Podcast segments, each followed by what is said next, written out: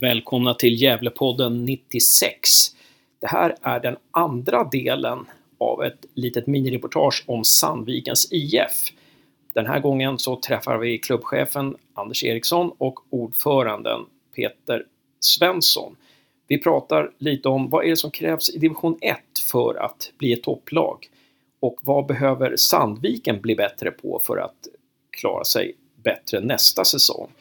Man berättar bland annat att Sandviken har ökat sin omsättning, eller dubblat sin omsättning på fem år och att en av hörnstenarna i organisationen har varit Göransson-kuppen som är en av de största inomhuskupperna i landet, eller till och med i Skandinavien kanske man säger. Ja, det som är intressant med Sandviken är att, att klubben var bankrutt för en 17-18 år sedan, men sen har byggt sig stadigare och stadigare. Finns det någonting för GIF att lära här? Ja, ni kan väl själva bedöma. Snart kommer del 3 i Sandviken-reportaget där vi pratar med lagkaptenen och mittbacken Olof Mård.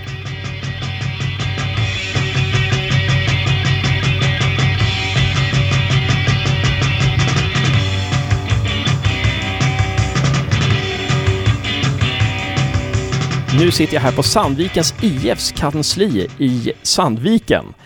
Och jag sitter här med två tunga namn i klubben. Inte, inte bokstavligt, utan bildligt. Då. Anders Eriksson, du är klubbchef. Välkommen! Tack så mycket. Tack! Och Peter Svensson som är ordförande. Välkommen! Ja, tack så mycket. Ja, grymt att ni tar er tid så här. Men nu, eh, ni är klubbchef, eh, klubbchef och ordförande. Hur länge har du varit klubbchef, Anders? Eh, jag, eh, har varit, jag började i november 2013. Eh, kom jag hit, så det blir väl ganska precis fem år då. Mm. Då kom du in när ni åkte ner i tvåan då? När det var klart, eller? Ja, eller precis i slutet där. Jag var väl med. Jag hade en liten övergångsperiod. Jag var i SAIK bandy då en kort period och en liten övergångsperiod. Så jag var med lite grann på slutet där och fick tyvärr uppleva den de matcherna som gjorde att vi åkte ur. Så, så vi, fick, vi fick börja därifrån. Men jag fick även vara med lite grann och uppleva AIK-matchen som var där någon månad innan. Så, Just det, det var så samma var, år alltså. Ja, det var... Nej, men så det, det, var, det var utgångsläget. Mm. Då har du varit med på den här vägen tillbaka till division 1. Så det är intressant att, prata om det. Och Peter, hur länge har du varit liksom, i, i Sandviken? Hur, hur länge har du jobbat i organisationen? Ja, om man säger så här. Vi har, jag har varit i, suttit med i styrelsen sedan 1999. Sen var jag med som eh, hjälptränare och lite eh, ansvarig för eh, B-laget och hjälp, hjälptränarna till huvudtränarna 95 till eh, 98. Sen jobbade jag som eh, eh kanslichef 2006 till 2011 då. Och sen blev jag ordförande efter det då. Så. Just det, just det. Och att vara ordförande då, på vilket sätt skiljer sig det från, att, från de här andra sysslorna? Som då, till exempel att vara kanslichef. Vad, vad, är, vad, är de, vad är de stora grejerna man behöver ta tag i? Ja, eh, alltså som eh, kanslichef då, om man säger under den tiden jag var så, så är man ju väldigt operativ naturligtvis. Eh, Eh, sen har väl jag varit ganska, ganska mycket en arbetande ordförande. När jag slutade som kanslichef då, då hade vi ju ett glapp då på nästan två år då innan vi anställde Anders. Så att eh, sen eh, tycker jag att senaste åren så har det blivit mer, eh, eh, mer riktigt styr, mer eh, vanligt styrelsearbete. Just det. Men har inte du en spelarkarriär också bakom dig eller? Ja, men den tror jag... Den, den, den skulle jag vilja att vi pratar om. den, den tror jag inte att... Uh, den tror jag inte att det är någonting som lyssnarna vill höra om. Nej, okay. Och jag vill berätta om. Så att, uh, men jag var med och spelade lite grann i, i B-laget och mm. var tränare lite med A-laget, men ingen, uh, ingen vidare spelarkarriär. Ja, just det. Anders då? Din spelarkarriär? Ja, karriär och karriär. Jag har spelat fotboll i hela mitt liv, så, men jag har aldrig spelat på någon högre nivå, utan jag är uppvuxen här i, i grannbyn, jag säga, i Kungsgården och, och i, varit i Kungsgården och Storvik och eh, Åshammar och det var lite hopslagningar och så vidare. Så där har jag liksom haft min, min fotbollstid kan man väl säga. Eh, och eftersom har kommit in eh, från att man har spelat till att det lades ner eh, fotbollen i Kungsgården och sen eh, 2000, efter 2000, där någonstans 2001 så så var jag en av de som, som startade upp tillsammans med min far och några fler. Så startade vi upp Kungsgården igen. Och, okay. och 2002 faktiskt hade vi en eh, intressant eh, DM-match där kommer jag ihåg mot, eh, mot just Gävle IF. Eh, där vi höll dem på halstret till 88 minuten. Det var vi i division 6 då. Eh, och, äh, så det, det, där ute har jag min eh, fotbollsbakgrund och spelade i division 4, lite division 3. Eh, men eh, har jobbat väldigt mycket runt klubben med, med sponsorer och, mm. och allt annat.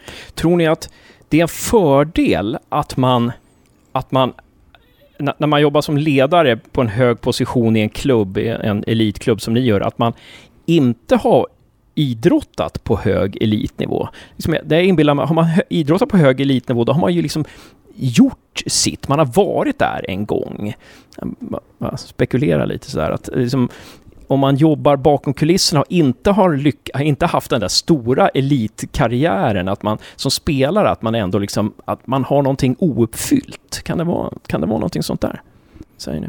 Ja, jag har aldrig funderat riktigt i de banorna, men det, det är möjligt att du har rätt i dina tankar där. Jag kan nog eh, faktiskt nu när du säger det, jag har inte heller funderat på det, men visst kan det vara lite så att man, man kan ju få liksom en, en elitkarriär så att säga, fast på ett annat sätt och få, få vara med om det i en annan roll. Så, så det är väl kul. Sen tror jag man har med sig mycket när man jobbar, även om det är en liten förening som jag eller Peter som har varit i ESF i alla år, men jobbar med andra saker. När man har jobbat med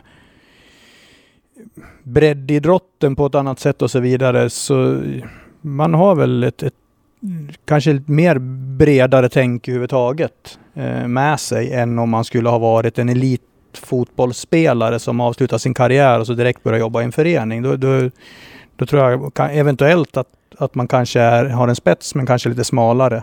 Eh, så.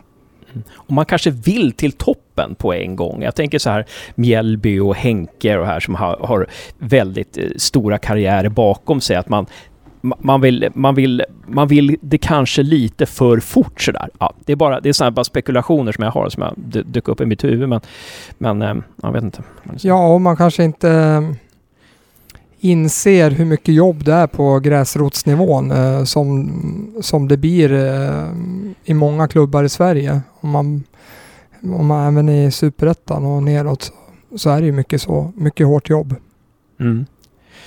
Eh, man tänker på de, de största tränarna vi har, Janne Jan Andersson och eh, vad har vi fler? Sven-Göran Eriksson. De har, det är inte sådär som har varit, de har inte haft några stjärnkarriärer direkt utan men vi får se. Ni, ni, som lyssnar, ni får ta upp den tråden. Någon, någon, får skriva en avhandling om det där eller skriva en artikel eller forska mer i det där. Men, men då, nu är man kan, det man kan säga är att Sandvikens IFs herrlaget då, som är... Kan man säga det? Att Gävle IF säger ju hela tiden att herrlaget är de som drar in pengar, det är de som är på något vis...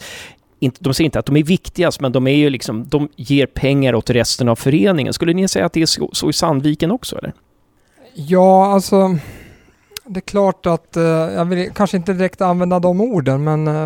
Det, det, är klart att eh, fortfarande så är det ju enklare att um, sälja så, klassad, så, så, så, kallad klassisk sponsring till uh, för herrlaget. Uh, sen kan det också bero på att uh, de som säljer sponsringen har jobbat bara med herrlaget så att det blir liksom att det har gått på rutin och att...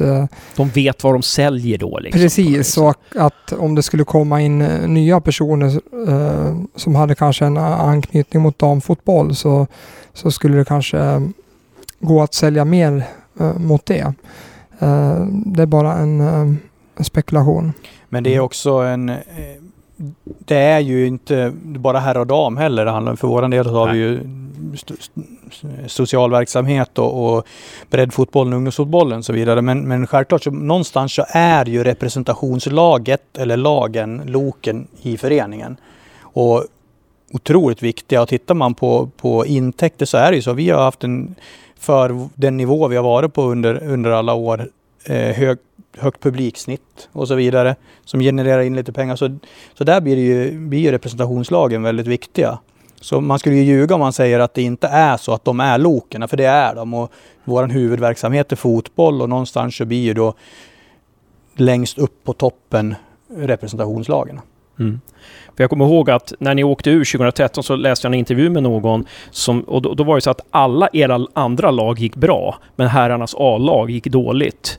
Eh, och, och, det kändes liksom, undertexten där var på något vis att, att eh, ja, det, det är jäkligt kämpigt när det blir så i och med att, i och med att eh, på något vis att eh, det, det är där pengarna, mycket av pengarna kan komma in. Men eh, ja, men det, det, det är ju spännande det här. Men nu då, när, när det har gått det har ju gått otroligt bra för damlaget alltså som, som antagligen kommer bli tvåa i serien här. Eh, och det, det är otroligt. Men, men eh, eh, hur, hur ska ni uppleva, hur, hur upplever ni eh, situationen i Sandviken nu om ni jämför med för fem år, fem år sedan till exempel? Hur, hur, hur är det annorlunda? Ja, jag skulle kunna börja, alltså Peter får väl Fem år, det är mitt perspektiv av föreningen. Eh, förutom att man sett den från utsidan innan. Och det är så otroligt mycket som har hänt i Sandvikens IF de här sista fem åren. Även om man har gjort en, en otrolig resa även innan det. Så framförallt kanske sedan 2000 när, när Peter eh, i samband med Peter kom in och man gjorde ett stålbad ekonomiskt och alla de här bitarna började jobba upp föreningen från grunden igen. Så de sista fem åren alltså har vi gått ifrån att bli en, en fotbollsförening som alla andra till, till någonting helt annat. En, en, en stor klubb kan man säga. Med. Mm. Vi har dubbelt så, dubbelt så stor organisation, vi har så dubbla vår omsättning och så vidare. Så det är, det är mycket som har blivit större på alla sätt. Mm. Byggt upp en flickverksamhet under ett antal år som har genererat ett damlag som du alldeles nyss sa gå som tåget, vilket vi är superglada för. Eh, yngsta laget i serien och ändå prestera så bra. Eh, och eh, det, det, har väl någonstans varit en... Eh, vi har valt att... Nu pratar jag istället för Peter, du får flinka in. Men vi har valt att eh, bygga organisation. Det var väldigt tydligt när jag kom in eh, och det Peter sa till mig både innan jag började och, och när jag började. Så att nu ska vi, vi ska rusta oss och, och lägga krutet på organisation. Och när vi känner att föreningen är redo, det vill säga att vi är organiserad, vi har en organisation som är bättre än dess dit vi vill gå. Då ska vi gå dit. Och vi anser väl idag att vi organisatoriskt och på, på många sätt så tror jag inte det är många superettanlag och kanske inte heller eh, allsvenska lag, många som, som är det vi är organisatoriskt. Intressant, intressant. Va, va, va, och när ni säger det här då, det här med att ni skulle bygga en organisation då, vad betyder det? Vad, vad, är, det vad, är, det för, vad är det man liksom bygger? Var, var är det, vad, vad, tar man in för folk och var tar man in? Vilka platser tar man in människor? Och, ja. ja, alltså vi kan väl blicka tillbaka till uh, millenniumskiftet där då. Och uh, då var ju föreningen i stort sett konkursmässig och eh, vi hade ett par eh, anställda på kansliet eh, som eh, par eh, via eh, arbet, eh, Arbetsförmedlingen via lönebidrag. Och eh, vi hade ju en, eh, ett ganska bra herrlag då som hade kvalat upp till superettan i mitten, slutet på 90-talet där. Och eh, vi hade inget damlag, det var nedlagt. Så att eh, vi bestämde oss för att göra en omstart och eh, så vi hade ju inga som helst sportsliga visioner på den tiden. Utan eh, vi har ju liksom byggt eh, stegvis här då under de här åren. Ehm, och eh, då har vi fått in eh, duktiga personer eh, på kansliet där vi har haft eh, starka föreningsmänniskor i styrelsen. Eh, vi har valt den vägen mer än eh, etablerade personer kanske från näringslivet utan personer som, som brinner för klubben och som är beredda att jobba hårt i vardagen och lägga mycket tid. Och vi har väl inte liksom eh, jobba hårt dag för dag istället för att eh, måla ut stora visioner. Just det. Intressant. Så att det var ett medvetet val då. Eh, men då, när du säger vi bestämde oss, var det styrelsen då eh, och hur många var det i det viet liksom som, som bestämde sig för att Ja, men det var ju styrelsen. Sen hade vi god hjälp av uh, våran supporterklubb med uh, Fanny Sandreo i spetsen. Som var med och bidrog då till eh, att samla in pengar för att eh, hjälpa oss vid konkurshotet som var då.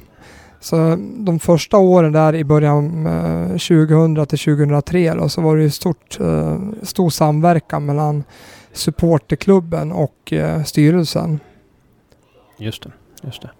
Och, och då satsade ni på en, en styrelse som, som med föreningsbakgrund då, där alla hade no, någon, no, ja, någon föreningsanknytning. Var vana att jobba i en idrottsförening eller? Ja, alla, inte alla kanske, men eh, merparten hade i alla fall ett, eh, ett rödvitt hjärta och var beredd att jobba hårt eh, för klubben. Eh, vilket jag tror har varit väldigt eh, viktigt. Mm, just det. Så att det är inte vilka föreningsmänniskor som helst utan jobba va, va, vana att jobba i förening och eh, liksom kände för klubben. Liksom det, ja, det. och framförallt det senaste. Mm, just det. Ja, och då, då la ni upp en strategi. Hade ni, hade, la ni upp en så här att då, det, då ska vi vara där och då ska vi vara där? Att ni hade någon, mål, hade någon målsättning som ni liksom... Ja, alltså det första var ju att liksom betala av våra skulder då, till Kronofogden och kommun och alla leverantörer då som hade släpat efter. Och sen eh, i nästa steg så var det ju att eh, bygga upp, upp ungdomsverksamheten igen. Så vi, vi la ju mycket, mycket energi på eh, fotbollsskolan där. Det kommer jag ihåg i början när jag jobbade som kanslichef. Och eh, så att eh, det dröjde ju länge innan vi började prata om liksom sportsliga ambitioner för herrlaget. Och mm. Sen bestämde vi även att eh, från våra nya ungdomssatsning då, så skulle det bli nya damlaget. Då. Så att vi... Eh, så det är i den kullen som startade. För det, är inte, intressant, man hade ju kunnat tänka sig att ni gick den an, hade gått den andra vägen. Nej, vi väntar med ungdomssatsning, nu satsar vi på herrarnas A-lag här. Eh, så till att de kliver upp i några divisioner och sen så det som de kan generera, när de har genererat lite pengar, då kan vi satsa på ungdomsidrotten. Men hur, hur, ja, men ni tänkte Ja, vi har nog tvärtom. sett det som en, liksom en pyramid där liksom ekonomi och eh, kansli och eh, organisationen, styrelsen, är liksom plattformen. Och sen kommer ungdomsverksamheten. Och, och sen när allting det är på plats, då kan man bygga, ha bra seniorlag på toppen. Så vi har väl liksom resonerat lite annorlunda jämfört med många andra eh, klubbar med elitambitioner. Då. Mm. Kan man också tänka sig då att, är det så då att, jag gör en tolkning bara, att när när man satsar på ungdomsidrott, eh, flickor, pojkar, att det sprider sig någon slags eh, i, i stan och runt föreningen, att det sprids en slags, slags goodwill eller att folk litar mer på föreningen då? Eller hur skulle ni säga? Ja, det, det, hoppas vi att det är så. Det är därför vi har valt att, att göra på det sättet. Även inte jag var med ända från, eh, när vi, som Peter pratade här, när man började bygga upp med fotbollsskolan så vidare, mer än att jag var med som förälder och hade barn i den fotbollsskolan vid, den tiden. Men eh, vi vill ju att det ska vara så. Vi tror att det är så. Vi, vi tror att det handlar om att bygga eh, genuinitet i någon form och få, få alla med, få, få det att kännas som att man är allas förening. Och det handlar ju inte bara gentemot sina egna medlemmar och föräldrar och spelare utan övriga föreningar också. Eh, och det är inte så lätt. Eh, det finns ju många eh, många liksom eh, trösklar man över när det gäller eh, förening till förening och så vidare. Vi vill ju, vi vill ju vara en förening som, som eh, är en bra partner till föreningarna runt omkring oss. Och med den eh, elitverksamhet som vi har idag och förhoppningsvis än bättre om vi blickar framåt så, så vill vi liksom ha, vi är, vi är beroende av att ha ett bra samarbete med, med alla runt omkring oss. Vi är beroende av att vara i en ställning där, där folk tycker gott om föreningen. Så Mm. vi hoppas att vi har gjort på, jag tycker vi har fått kvitton också på många sätt att, att börja få att vi, vi har jobbat upp föreningen på ett, på ett sunt sätt som, Mm. som på något vis förhoppningsvis spelar tillbaka sig. Så att det, det känns ganska positivt nu då. Det, det känns som att det, de spadtag ni tog där runt konkurshotet, att det, det har gett effekt på något vis, eller? Ja, absolut. Eh, Jag tycker att... eh, Jag tycker också sen eh, när vi anställde Anders där och eh, 2013 där så har vi också haft en enorm utveckling de sista fem åren då. Så att... eh, Vad, vad är det som har hänt då under de sista fem åren? Det är ju spännande. Ja, alltså vi har ju utvecklat våran inomhuscup då. Eh, Göransson Cup som har blivit en av eh, Nordens största inomhuscuper och som är en viktig inkomstkälla för föreningen. Eh, och sen har vi utvecklat den, eh, den sociala verksamheten då. Och tillsammans med den här ungdomsverksamheten vi byggt upp så har ju det här eh, eh, gjort att eh, vår, föreningens varumärke har stärkts väldigt mycket och vi har fått eh, mycket cred och mycket utmärkelser. Och eh, den vägen har vi också fått större förtroende hos våra partners och eh, har möjlighet att öka våra intäkter. Ehm, så att ehm, Mm. Var, var det någonting som du drog igång, Anders, när du började det här ti- eh, inomhuskuppen? Tidningskuppen kommer jag ihåg när Josef var liten. Mm. Man, men eh, är det någon fortsättning av tidningskuppen eller är det helt olika grejer? Nej, det är, det är så. Det är egentligen bara ett annat namn på det. Men jag fick väl till uppdrag. eh, Det var en av mina huvudsakliga uppdrag när jag kom in.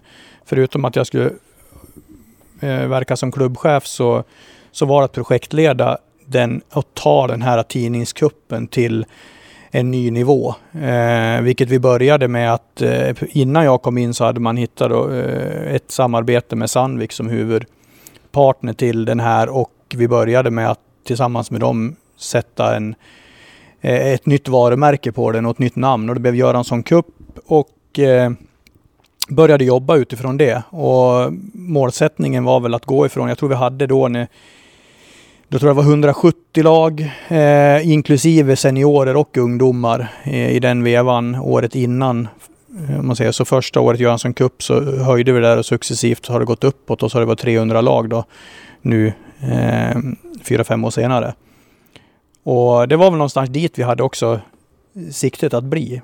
Eh, så vi, vi har vi har, vi har nått målet om man ska säga så. Sen är man aldrig nöjd, men vi har ändå Mm. nått det mål vi satte upp då. Vad kuppen skulle bli och vad den skulle betyda för oss.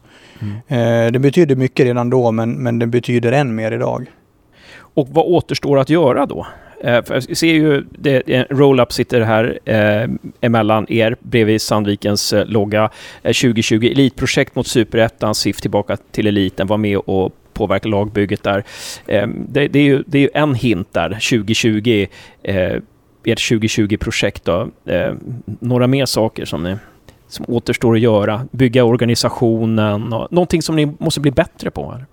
Ja, alltså det gäller ju naturligtvis hela tiden att fortsätta utvecklas. Och då handlar det naturligtvis om att fortsätta bygga en eh, starkare organisation då, så att vi, eh, som Anders sa då, att vi hela tiden, organisationen ligger före det vi gör på planen. Sen är det ju så att ehm, eh, förutom här under det här året då, så har ju inte föreningen haft stora sportsliga framgångar i modern tid.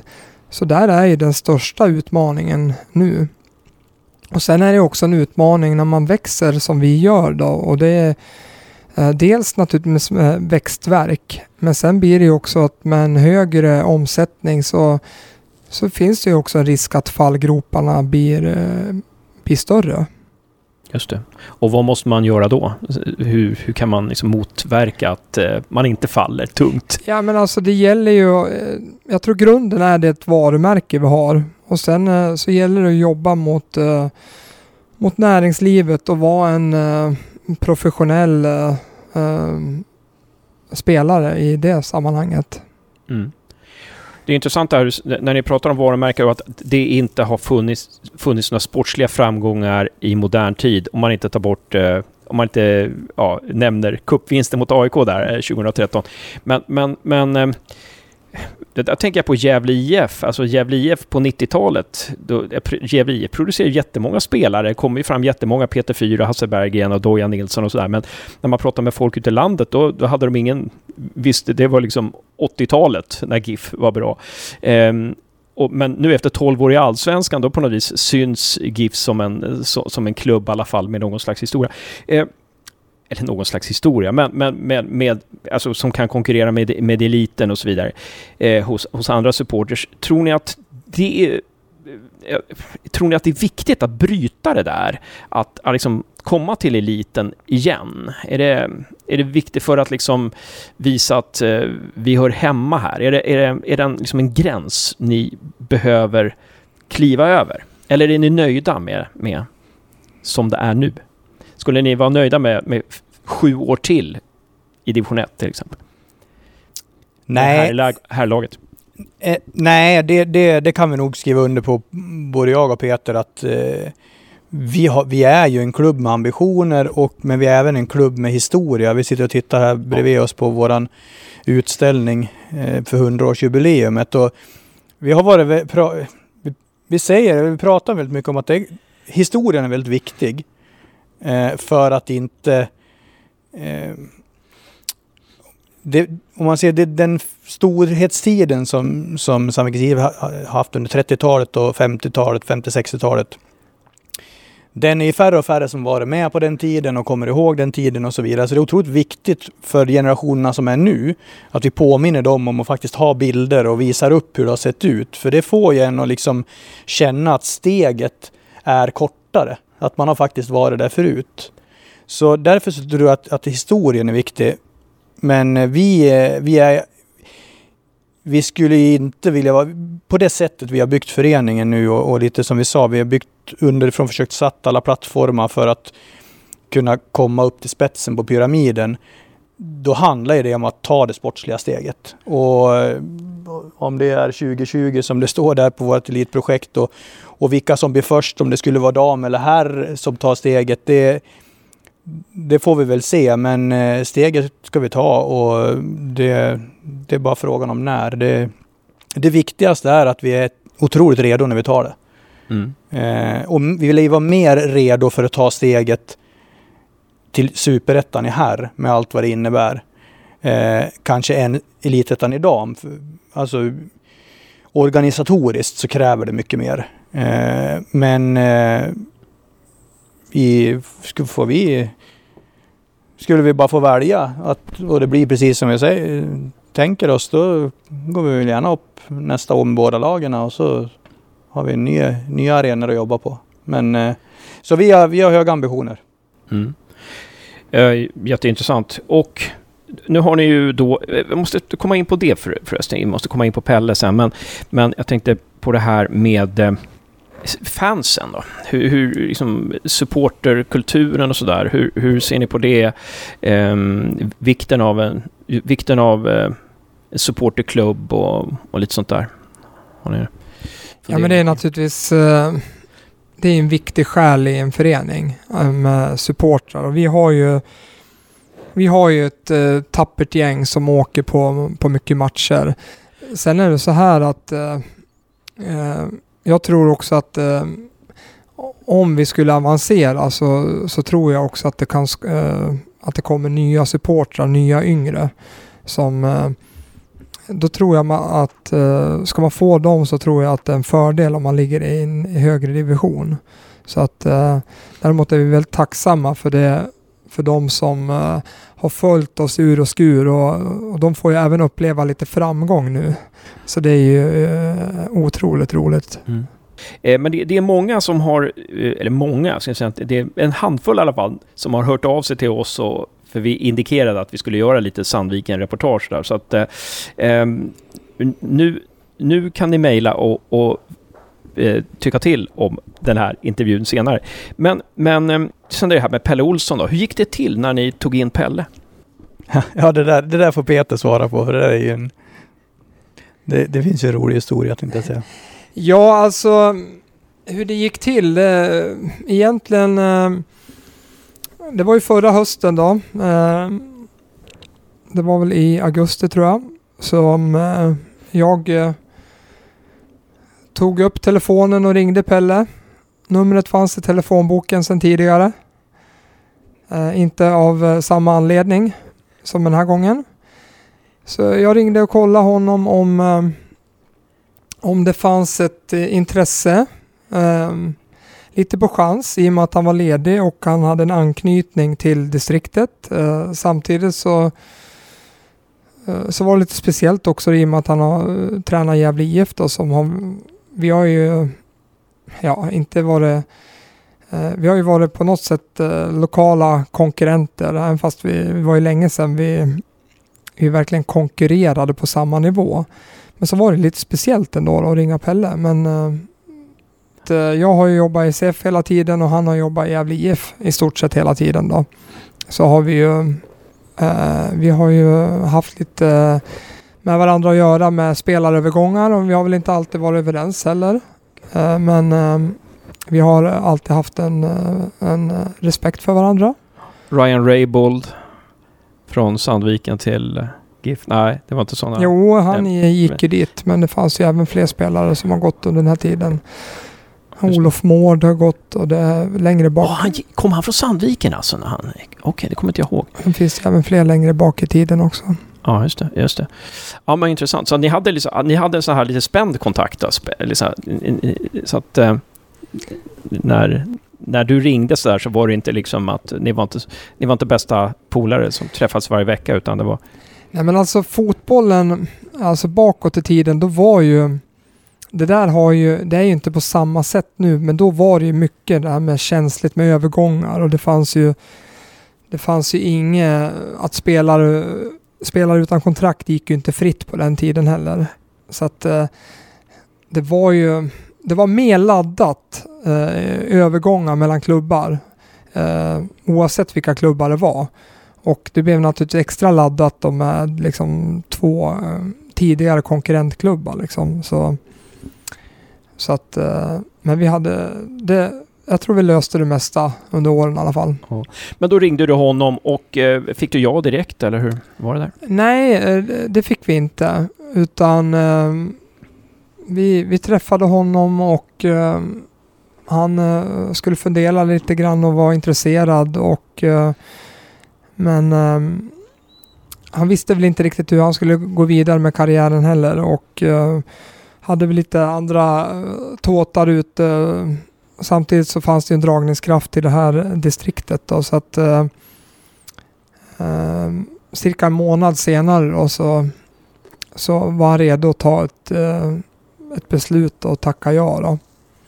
Så att, men vi hade mycket kontakt med honom under den månaden också. Han var, hjälpte till lite grann vid sidan av och hade lite kontakt med, våra, med Stefan som var tränare då. då. Just det. Och det är fascinerande att ni hade en tränare som heter Stefan, Stefan Lundin, som inte är den Stefan Lundin som tränade GIF en gång och som jobbar på Fotbollförbundet till, till för ett tag sedan. Eh, ja, intressant. Hur har, hur har eh, hur har Sandviken förändrats sedan Pelle Olsson kom in? Eh, Kan man sätta ord på det på något vis? Vad, eller vad Pelle bidragit med? Ja, alltså. Jag tycker att ehm, ehm, Pelle är ju en väldigt eh, erfaren tränare. Ehm, han eh, har mycket sunt förnuft i allting han gör. Ehm, ehm, och det är helt enkelt att han, han jobbar så hårt han kan varje vecka för att laget ska nå framgångar. Och eh, dessutom med en, med en stor tydlighet. Eh, en tydlighet som inte bara mm, som han bara kan framföra till oss utan även eh, det viktigaste att han kan framföra till spelarna ute på planen eh, varje dag på träningarna. Det tycker jag. En tydlighet också, inte bara gentemot spelare utan även gentemot andra i föreningen eller partners och sådär också, eller? Ja, nej men precis. Det är, det är väl det jag märkt av mest som inte är nere på träningarna och, och ser det dagligen utan få vara en kollega med, med Pelle på, här på kansliet så jag upplever ju, eh, han har ju han har ju kommit med så mycket erfarenhet även utifrån sin roll som sportchef och, och sin roll som föreningsmänniska överhuvudtaget och med allt han har med sig. Så det är ju otroligt mycket utbyte av varann tror jag. Inte bara vi från han eller han, utan av varandra. Och det är otroligt, det, det har blivit lyft för, för organisationen. Eh, att få in, och än roligare ska eh, jag tycka att, att just han och eh, att vi har Stefan Lundin kvar. Eh, och att de eh, jobbar i team och sitter och delar kontor. Och det blir, vi, vi får en, en, en, sportavdelning som verkligen jobbar med, med de viktiga frågorna på elitnivå samtidigt som vi behåller allt det vi har haft tidigare. Och så, så den här delen har ju legat mer hos Peter tidigare och på, på ordförandenivå. Och nu har vi det på kansliet professionellt. Och, och sen är Pelle en jäkligt härlig människa på alla sätt också. Det, mm. det finns kan man, kan man sätta några fingrar då på, kan man sätta fingret på vad det är som, att ni, att ni har blivit proffsigare just när det gäller den sportsliga biten sen som Pelle kom in och med Stefans och, och, och Pelles samarbetare. Kan man lyfta fram några detaljer eller?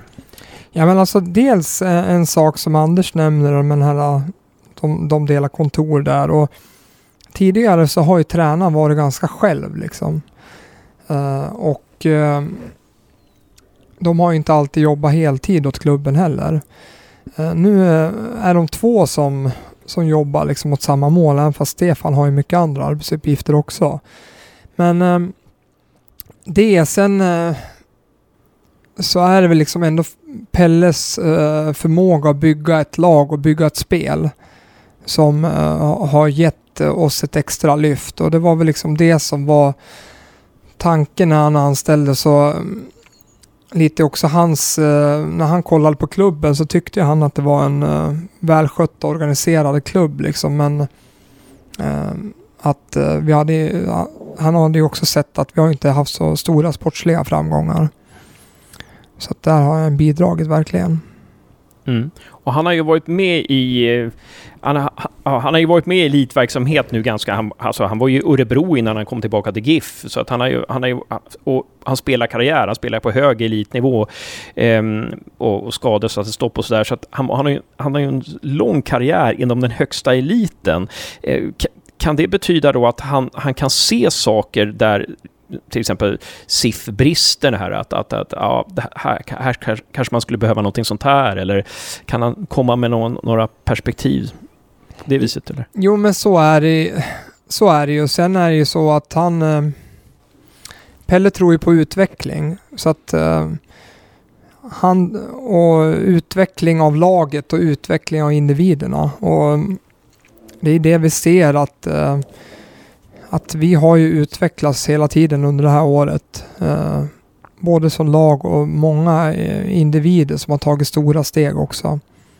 Så mm. där, eh, det ser man och det är ju väldigt positivt kring, kring, eh, kring her, herrarnas A-lag och det, är ju, det, det är ju, blir ju stort intresse från Gävlefansen och Gävle media också i och med att eh, det är så många gamla GIF-spelare som, som spelar i laget också nu, så det blir ju extra intressant. Eh, eh vad säger ni om lagsammansättningen där i, i A-laget nu om ni jämför med för några år sedan? Eh, vad, vad, finns det för vad finns det för eh, konkurrensfördelar i ert, i ett, i ett A-lag, som ni ser det? Ålderssammansättning, åldersstruktur och sådana här saker. Ja, men det, tittar man på dagens, eller den trupp vi har haft i år och, och eh, så, alltså det största, det, det, det är konkurrensen som du säger som är väl det mest påtagliga. Alltså det, vi, vi har eh, vi har spelare som, som inte startar matcher som eh, eh är lika bra som de som startar matcherna. Alltså vi, vi har möjlighet att göra byten. Det är det när man tittar på det från sidan. Och tittar man tillbaka några år så kanske man inte har haft lika stark bredd. Man kanske har haft två spelare på bänken som man, man är givna ett och två att komma in och nu är det fem eller sex och, och beroende på hur matchen ser ut så kan alla eh, höja nivån. Eh, det är ju en styrka, samtidigt en utmaning och det är än mer viktigt att såklart man har ledare och tränare som kan hantera sådana situationer. Vi har inga eh, andra möjligheter för matchning, förutom DM-matcher och så vidare. Så det, det, är ju det är en utmaning att hålla alla nöjda. Det blir lite likt den all, allra yttersta nivån om man tittar runt om i världen på, i storklubbarna, just att hålla stjärnor nöjda och så vidare. Här är det ju inte på samma sätt, men, men när man har eh, det, det, är många som tror jag inte kan hantera att ha så jämn och bra trupp och det slår tillbaka negativt istället. Men, men här tycker jag att eh, ledarna har gjort det väldigt bra. Mm.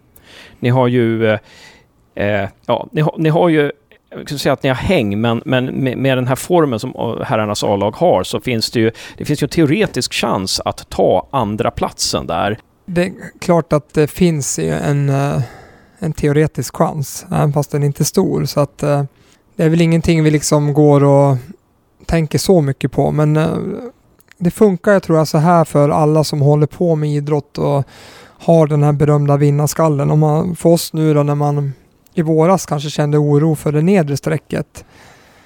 Och det gjorde man ju länge. Men eh, när vi börjar märka att vi kommer förbi det, då, då börjar man sikta mot stjärnorna igen. Så funkar liksom. Då vill man ju, då vill man ju uppåt. Uh, så att uh, vi, vi får väl se efter uh, helgens omgång då, men uh, chanserna är inte så stora. Nej. Vilka möter ni då? Vi möter Karlstad United borta på söndag. Borta, det är en tuff match. Eh, vad ligger de i serien då? Trea. Trea efter Syrianska, ja. precis. Ja. Syrianska är tvåa, Västerås mm. etta. Ja, mm.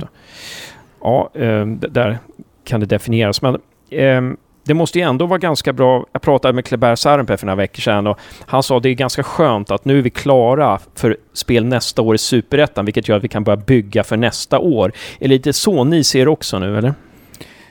Absolut. Det är ju, om vi tittar på eh, jag, Christer Paling och sådana som med, med marknadsfrågor eller, eller de som jobbar med sporten och börjar bygga lag, man kan börja skriva nya kontrakt och så vidare, så, så är ju jämföra med situationen förra året när det avgjordes i sista matchen mot VSK så, så går det inte att jämföra. Vi, vi, vi tjänar ju fler månader av jobb eh, som behöver komprimeras om man ligger i en annan situation än vad vi gör nu. Mm. Eh, så, så här vill man ju ha det oftare. Att, eh, att man har den behagliga känslan och ändå den här kittlande också med möjligheterna uppåt. Sen Eh, den dagen man kommer liksom till, till nästa steg, eh, då är man ju där i alla fall, för då blir det helt nya omständigheter, fast till det positiva då, jämfört med att åka ur en serie. Så vi får hoppas att få uppleva det någon gång och, och, och testa att ta dem. Eh, det man måste ta tag i då. Ja. Eh, men det är inspirerande. Det blir, det blir, det blir det på, man skulle fel att säga att det inte påverkar tror jag, hela organisationen. Eh, varje dag man går till jobbet eh, så påverkas man ju av hur det går för våra lag. Mm. Eh, framförallt representationslag men även ungdomslagen som gör otroligt bra ifrån sig. Det blir man ju också stärkt av. Jag, jag, säga, det, jag tycker det är kul också med, vi pratade om det här med eh, lite grann med fostra, bygga upp någonting för att fostra egna spelare och, och det här. Och det, att komma till, jag har ett ganska bra kvitto på, då är det på damsidan. För vi, som Peter sa, vi började bygga upp en, en flickverksamhet eh, som, som sen skulle bli ett damlag och har blivit ett damlag. Och där man till och med nu har kommit till en, en nivå, eller vad man ska säga, så att eh, man får egna förebilder i föreningen.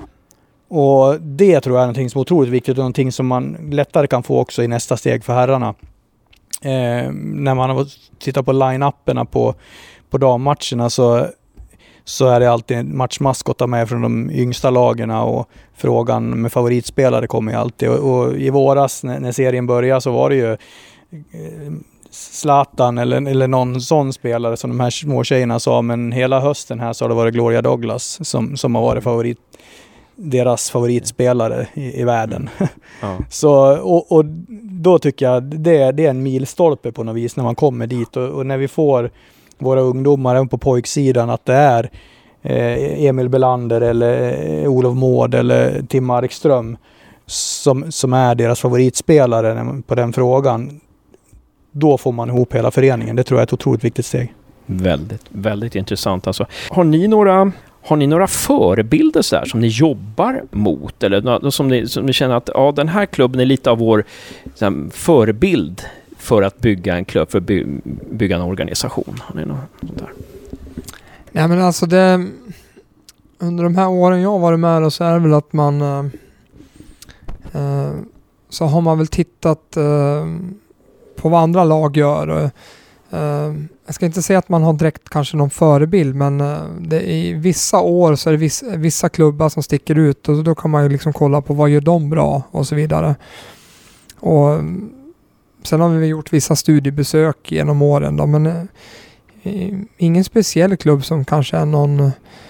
Uh, Plockat lite här och där? Ja, alltså vi var ju till Östersund här för uh, två år sedan och vi har varit till Örebro tidigare och vi har haft en del utbyte med Sirius och... Mm. Uh, Någonting som man, ni fäster där hos Sirius till exempel där? De har gjort det rätt bra, gått från division 1 till superettarna uppåt Ja, de herrarna. har... Och damerna har också gått bra där. Ja, de har gjort det bra. Det var ju ett utbyte mest mellan tränarna så, så att jag... Ah, det, det, man kan, ja. det man kan ja. se är väl, eller man, vi har pratat väldigt mycket om att eh, ha förebilder eller vilka är våran förebild. Vi har pratat mycket om liksom, vi måste ut och benchmarka, vi måste ut och ta reda på hur andra har gjort för, för att göra den resa vi skulle vilja göra. Eh, men vi har, inte, vi har inte kommit riktigt dit. Vi har, vi har någonstans känt valt vår egen väg och tagit lite influenser genom att besöka någon kanske och sådär. Men, men eh, verkligen ändå gjort det på Sandvikens IF sätt. Utan att en, vi kan liksom inte, något litet embryo här, något embryo där man har fått med sig när man var i Östersund och, och så vidare. Men, men eh, framförallt eh, det som man känner sig otroligt stolt över som, som eh, SCF-are det är ju att vi... Eh, Vårt motto är försiktighet, eller vad ska jag säga, i, i mycket. Alltså, bo, tittar man på Sirius och, och Öst, Östersund och så vidare så, så har ju man har gjort en, en, tagit steget i samband med att man också kanske har fått en, en eh, till, ekonomisk tillskjutning i någon form eh, som, som har gått in och, och stärkt upp en, en budget och så har man Eh, och vi... Eh, Sirius hade en sponsor som gick in med 50 miljoner. Ja, det var ju, om man kollar på de klubbar som har gått upp från division 1, så har det varit Sirius, Östersund, AFC, United och vi har um, Ja, vi har Dalkurd. Dalkurd, precis. Som har det är Brage som vi kan någonstans kanske jämföra mm. oss med, med där, som jag känner mm. som har gjort det lite, lite på ett annorlunda sätt och ungefär på det sättet vi är på väg eller skulle vilja göra det på man säger. För vi, vi tror väl inte på det här fallet som, som, eh, som Peter pratade om, att, att fallet blir längre eller tyngre ju högre budgetar och så vidare man har ju omsättningar. Så är det ju också om man gör en, en kraftansamling och kanske får, sen tackar man aldrig nej till pengar såklart, men men eh, har man inte underbyggt då att det är liksom något att falla tillbaks på, då blir det tungt om det går åt andra mm. hållet också. Mm. Eh, klockan är över tre här nu och vi har suttit här, eh, jag har inte suttit en timme, men jag, jag, har varit här en timme. Men, så vi ska snart avsluta, ni kanske har eh, några liv som ni vill gå tillbaka till. Men för att Alltså, jag måste bara ta upp den tråden, om vi har tid, har tid med ett par frågor till. Eh, jag ska bara ta upp den här tråden med Brage, för jag hade tänkt på det innan faktiskt, jag skrev faktiskt upp det, eh, att just en klubb också som, som eh, går upp från division 1 och var ju länge, alltså var ju länge hade häng på kvalplats till allsvenskan till och med. Vad säger ni där? Vad är nyckeln där? Kan man, spe, kan, kan man peka på några saker som Brage har gjort rätt? Ja, alltså Brage är ju väl precis som oss då, en klassisk eh, klubb, en eh, bruksort och det är ungefär lika stora städer och så vidare. Så att eh, jag har också tänkt lite grann, eh, Brage de har alltid varit lite bättre än oss under tiden jag har hållit på så att eh, det är dags att ändra på det. Men Brage, jag tycker att eh, de har ju alltid varit ganska starkt uppbackade av eh, SSAB eh, som har varit viktigt för dem. Och sen har de ju varit bättre på att få fram eh, eh, egna spelare från ungdomsverksamheten än vad Sandvikens IF har varit. Eh, så de har ju byggt en gedigen trupp, eh, lär jag säga. Och eh, även eh, så har de nog haft lite fördel också av eh, när Dag Dalkull rullade, eh, rullade igång sin satsning så har de kunnat liksom de har inte blivit så stressade i sin, eh, i sin utveckling utan de har eh, kunnat byggt laget och sen har de även fått lite spelare. Det har även gått någon spelare till Dalkull men även kommit tillbaka till Brage. Så att eh, de har haft en stark trupp senaste åren. Som, och går man upp från division 1 med en sån gedigen trupp som de har och sen lyckas landa en 3-4 nyförvärvet då då är inte steget så långt sen. Uh, vad, jag, vad jag kan se. Just det. Så att till nästa år då, säg att om ni ska vara i, herrarna ska vara i Superettan eh, 2020 och eh, damerna ska vinna division 1 och gå till Elitettan, heter den det va? Mm. Eh, 2020. Vad är det som behövs för de här två, er, era två representationslag? Vad är det som krävs för att ni ska ta det steget nästa år som, ni, som gjorde att ni inte riktigt räckte till i år. Um, och ni får inte säga att spelarna ska bara bli ett år äldre. kan väl prata om dem du då Anders? Ja, precis. Generellt kan man väl säga att liksom för, som med allt annat så, så krävs ju så krävs ju liksom rätt resurser. Eh, resurserna på plats och det är det man jobbar för nu. Att, att få fler som tror på oss som förening, eh, att vi får eh, en större del av näringslivet och kommun och allting och, och stå bakom oss. Eh, för säg vad man vill så, så ehm, all, det kostar pengar och det är någon form, det har vi alltid sagt att det är viktigt för oss. Ekonomin lever på plats. Så, så den är viktig. Det är ekonomi nummer ett. Det, det lär vi bygga för och när vi, när vi är helt klara med det, då ser vi verkligen vilken typ av satsning vi kan göra. Eh, även om vi mår bra idag. Eh, sen om jag pratar för dam så är det ju eh, det skiljer ju sig lite grann eh, på flera sätt. Eh, steget, steget upp eh, det man har presterat i år på damsidan, det är ju fantastiskt med tanke på den åldersstruktur man har i laget. Jag var och pratade lite med tjejerna igår kväll efter trä sista träningen innan uppehållet här. Och det, det behövs en, eh, en fortsatt kontinuitet då alla de här tjejerna kommer att bli, så som jag inte får svara, ett år äldre. Men i det här fallet så är det, ja. där är det otroligt, mm. gör det otroligt stor nytta. Eh, om de går från 16 till 17 år eller vad det nu är. Eh, sen behövs det såklart en liten tillspetsning eh, i, i någon spelare. Vi tittar ju hemskt mycket precis lika på herr som på dam. Vi tittar ju gärna på spelare som har en anknytning till till här, eh, distriktet eller Sandviken eller, eller här omkring. Eh, och det skulle vara hemskt kul att få knyta tillbaka någon sån som har varit här i, i området tidigare. Och, vi tror att det inte behövs så hemskt mycket för att eh, stå högst upp nästa år. Sen kan det bli en reaktion år två också, det mm. vet man inte. En spelare varje lagdel, typ? Det är väl det klassiska och det väl, så, frågar man tränaren så är det väl exakt det svaret man får. Mm. Eh, och det är oftast så. Eh, det kan vara också. Men, mm. men det, ja, det skulle nog vara bra för oss. Mm. Eh, Peter, eh, herrarnas A-lag. Ja, alltså. ta steget? Jag tror vi lägger en bra grund här nu eh, om man kollar på den här hösten vi har spelat och där vi jag tror de senaste 15 omgångarna ligger vi tvåa. Så där tror jag vi har byggt en väldigt bra grund. Jag hoppas att eh, varje placering kan vara ganska viktig här nu. Man går in med självförtroende till nästa säsong och sen också har man kanske större chans att landa några bra nyförvärv. Om man, ligger, om man hamnat fyra jämfört med om man hamnat åtta i tabellen. Sen så tror jag liksom om eh, Pelle, Stefan och Dala liksom får jobba vidare med, med truppen och vid, eh, jobba vidare med att utveckla eh, laget och spel, eh, spelidén och allting och, och sen behöver vi väl kanske ett par nyförvärv, ett par tre nyförvärv som kan, som kan göra att vi blir lite starkare och lite mindre sårbara vid eventuella skador och så. Mm. Så att... Uh, mm. och, vad, vad, vad, vad skiljer det ekonomi då när det gäller, om man jämför division 1 med superettan? Alltså om man ska göra ett nyförvärv, vad, vad, liksom, hur många procent måste spelaren gå ner i lön för, när man går från superettan till division 1? Kan man göra en uppskattning av det? Att, det? att det handlar om att halvera sin lön eller? Eller kan man tänka sig att man kan lägga mycket pengar på en eller två spelare eller är inte det Sandvikens modell? Nej, Nej men alltså det, det, är lite svårt att säga. Nu har inte vi varit superettan själva. Nej. Uh, men uh, alltså vi och de vi har tagit från superettan har ju inte varit etablerade superettaspelare.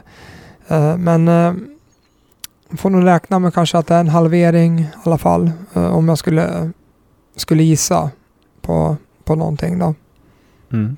Vi försöker jobba mm, mer med, med koncept. Alltså spela kontrakt är en sak men det fin finns ju väldigt många andra saker man kan göra med, med hur, hur, att man trivs och bor och jobb och sådana saker. Men, men så är det ju. Division 1 då är det ju definitivt semiprofessionell om man har ett jobb eller skola på sidan om. Mm. Eh, och, och, i Superettan så är det lite mer vanligt med att man bara spelar fotboll. Mm. Jag har ingen spelare i herr eller damlaget som är heltidsproffs eller? Nej, vi har ju någ, några av de utländska spelarna men de jobbar ju också lite grann eh, ja.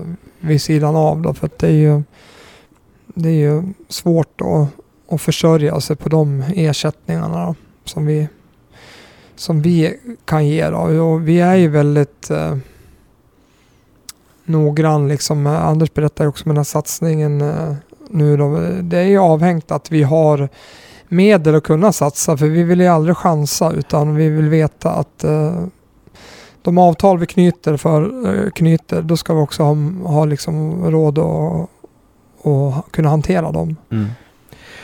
Supertack eh, Peter Svensson och Anders Eriksson för att ni tog er tid. Är det någonting som eh, ni vill säga? Är det någonting som jag har glömt, tycker ni? Någonting som ni har tänkt att ja, det där skulle vi vilja prata om, eller den där informationen är viktig? Eller, eller ska vi ta det del två nästa år när vi ses och kollar vi får, av? Ja, vi får väl följa upp det här. Nej, men det är väl... Eh, det är väl kul att prata. Jag menar, det, det, det är fotboll det handlar om och det är fotboll vi pratar om. Och, och även, om man, även om man gör väldigt mycket, mycket annat som förening så är det viktigt att det är någonstans eh, kärnverksamheten som, eh, som vi har pratat om idag som är, som är eh, både intressant att prata om och lyssna på. Tror jag. Mm. Peter, någonting som du vill tillägga? Eh, nej, utan eh, det är alltid lite spännande den här tiden på, på året tycker jag nu när liksom det återstår 6-7 matcher i, i serierna. Och fotbollsnörd som man är så följer man ju liksom alla serier och alla scenarion här som kan hända. Så det, det är en spännande tid. Verkligen spännande. Är du också fotbollsnörd, Anders? Ja, det, det, det, vill jag väl påstå att jag är. Inte, inte riktigt på samma sätt tror jag som Peter. Jag tror jag tittar på mycket mindre Peter fotboll. Peter är värre alltså? Ja, Peter är värre. Han tittar på mycket mer fotboll än vad jag gör. Jag, och när man jobbar med man jobbar hela dagarna med det så, så blir man rätt mätt på det. Jag tycker det är rätt skönt att inte fundera på så mycket fotboll när det blir helg. Mm. Eh, många gånger. Eh, men eh, Tack och lov så har jag en son som är väldigt intresserad så det blir en hel del fotboll på tv ändå. Ja, så han, han åker hem till Peter och tittar på alla matcher. Eh, men Peter, då kanske, du, då kanske du vill vara med i ett avsnitt av Gävlepodden någon gång där vi summerar liksom allsvenskan, superettan och division 1-serierna och lite sånt där. Det skulle vara intressant. Champions League och... Skulle det vara lockande? Ja, men det... Vi får... Där är Peter som klippt och skuren. Vi tar en sak i taget. ja, vi tar en sak i taget. Hörrni, stort tack Peter och Anders för att ni ställde upp i Gävlepodden. Eh, lycka till med allting framöver.